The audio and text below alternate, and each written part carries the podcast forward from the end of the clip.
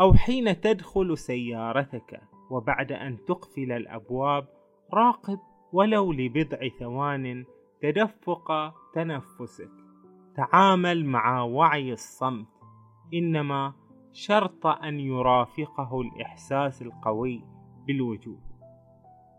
تمرين التنفس هو أحد التمارين المهمة صحيا وأيضا آه، نفسيا. لأنه آه، يشعرك بجسمك ومن ناحية صحية يدخل الأكسجين الكثير بكميات كبيرة إلى الجسم فتشعر بالكثير من النشاط عندما تتنفس والبهجة أيضا. هناك مقياس واحد يمكنك اعتماده لقياس مدى نجاحك في هذه العملية درجة الراحة التي تشعر بها داخليا. الخطوة الوحيدة والأكثر حيوية على طريقك نحو التأمل هي تعلم كيف لا تعود مقيدا بالعقل. وكلما تمكنت من إيقاف فيض العقل كلما ازداد نور وعيك صار أكثر إشعاعا. أثناء مرحلة نموك تكون انطلاقا من شخصيتك وظروف تنشئتك صورة عقلانية عمن تكون. يمكننا تسمية هذا الوهم ذاتية الأنا المعتمدة على النشاط العقلي والتي بمقدورها الاستمرار فقط بالتفكير المتواصل. دور الأنا يعني أشياء مختلفة كل ينظر إليه كما هو يحب أن يراه. إنما أنا أعني به ذاتا زائفة أوجدها اللاوعي والخضوع للعقل.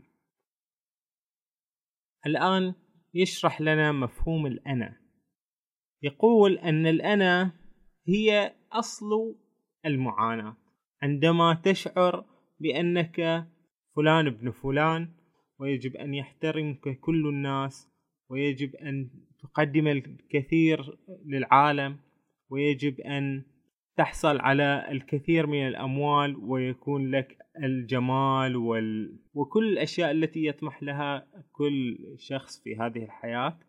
حينها ستظل في وهم الأنا وستكبر أناك وتشعر بأن ذاتك متعلقة بهذه الأشياء المنفصلة عنك. بالنسبة للأنا لا وجود أبدا للحظات الحاضر. وحدهما الماضي والمستقبل هما الأهم والحاضر يتسبب بخلل في عملية التفكير تنعكس سلبا على الأنا. حتى لو أبدت الأنا بعض الاهتمام بالحاضر فهذا الحاضر لن يكون الحاضر المعاش فعليا بل سيكون حاضرا آخر لأنها تنظر إليه من خلال عيون الماضي أو كمنطلق نحو المستقبل. هذا طبعا أهم فكرة لدى الكاتب هو أن يقول لك أنه لا يوجد شيء اسمه ماضي ولا مستقبل لأن كل هذه الأمور هي غير موجودة في الحياة غير موجودة الآن. نحن صحيح عشنا ماضيا ولكن هذا الماضي لم يعد له وجود. يحس الإنسان بالألم لحادث حدث له في طفولته أو في مراهقته أو غير ذلك. رغم أنه لم يعد له وجود إلا في هذا التفكير الذي يجري في داخل عقله. ما حدث في الماضي انتهى لم يعد له وجود الآن. والذي سيحدث في المستقبل ليس له وجود الآن. لا أحد يعرف ماذا سيجري في المستقبل. لم يخطر على أحد من من الناس أنه ستحدث الكورونا وسيحصل ما حصل. وبالتالي فالمستقبل مجهول. لا نعرف شيئا عن المستقبل. والأفضل أن لا نفكر في المستقبل إلا من باب تخطيط بسيط ومجرد رؤية بسيطة ومخطط بسيط للمستقبل. أما أن نفكر دائما أنه ربما أموت في المستقبل أو ربما آه، يحدث لي آه، أمر خطير في المستقبل ربما أصاب بمرض خطير في المستقبل.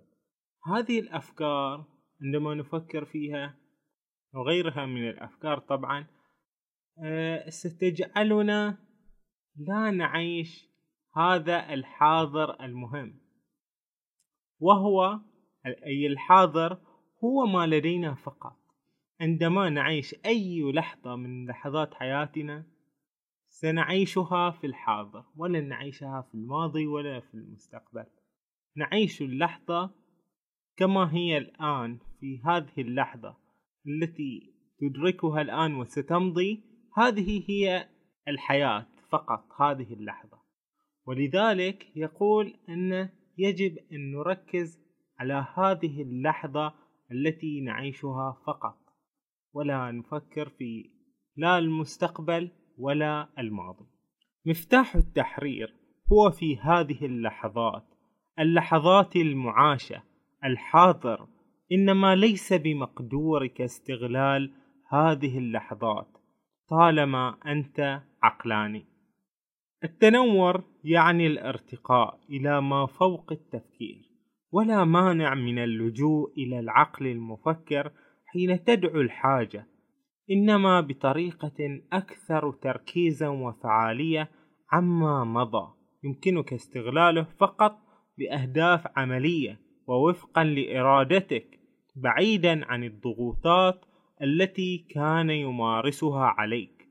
وهكذا تشعر بسكون داخلي حتى حين تلجأ إلى العقل خاصة حين تكون بحاجة لحلول خلاقة.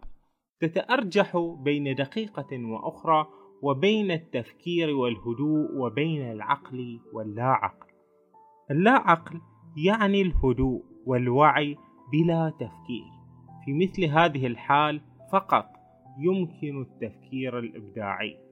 وفقط في مثل هذه الحال تمتلك الأفكار قوة حقيقية.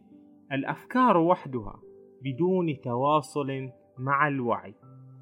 تعود أن تسأل نفسك ما الذي يجري في داخلي في هذه اللحظة بالذات؟ إنه سؤال يضعك بالاتجاه الصحيح. إنما إياك والتحليل راقب فقط. ركز اهتمامك عليه. واشعر بطاقة الانفعال العاطفي. إن لم يكن هناك أي انفعال ركز اهتمامك بعمق على مكان الطاقة الداخلية لجسدك. إنه الباب للوصول إلى الجوهر. هذه نصيحة عملية يقولها الكاتب حين تكون في غمرة القلق. في غمرة التفكير فيما سيجري أو جرى. اطرح على نفسك سؤال ماذا يجري في داخلي في هذه اللحظة؟ وعندما تكون هناك في في داخلك تشعر بأن هناك صوت في عقلك يطرح لك السيناريوهات السلبية ولكن هناك جوهر آخر هو ذاتك الحقيقية هو جوهرك. هذا الجوهر يحس أنه أكبر من هذا العقل ومن هذه الأنا. إنه الحياة التي تجري بداخله.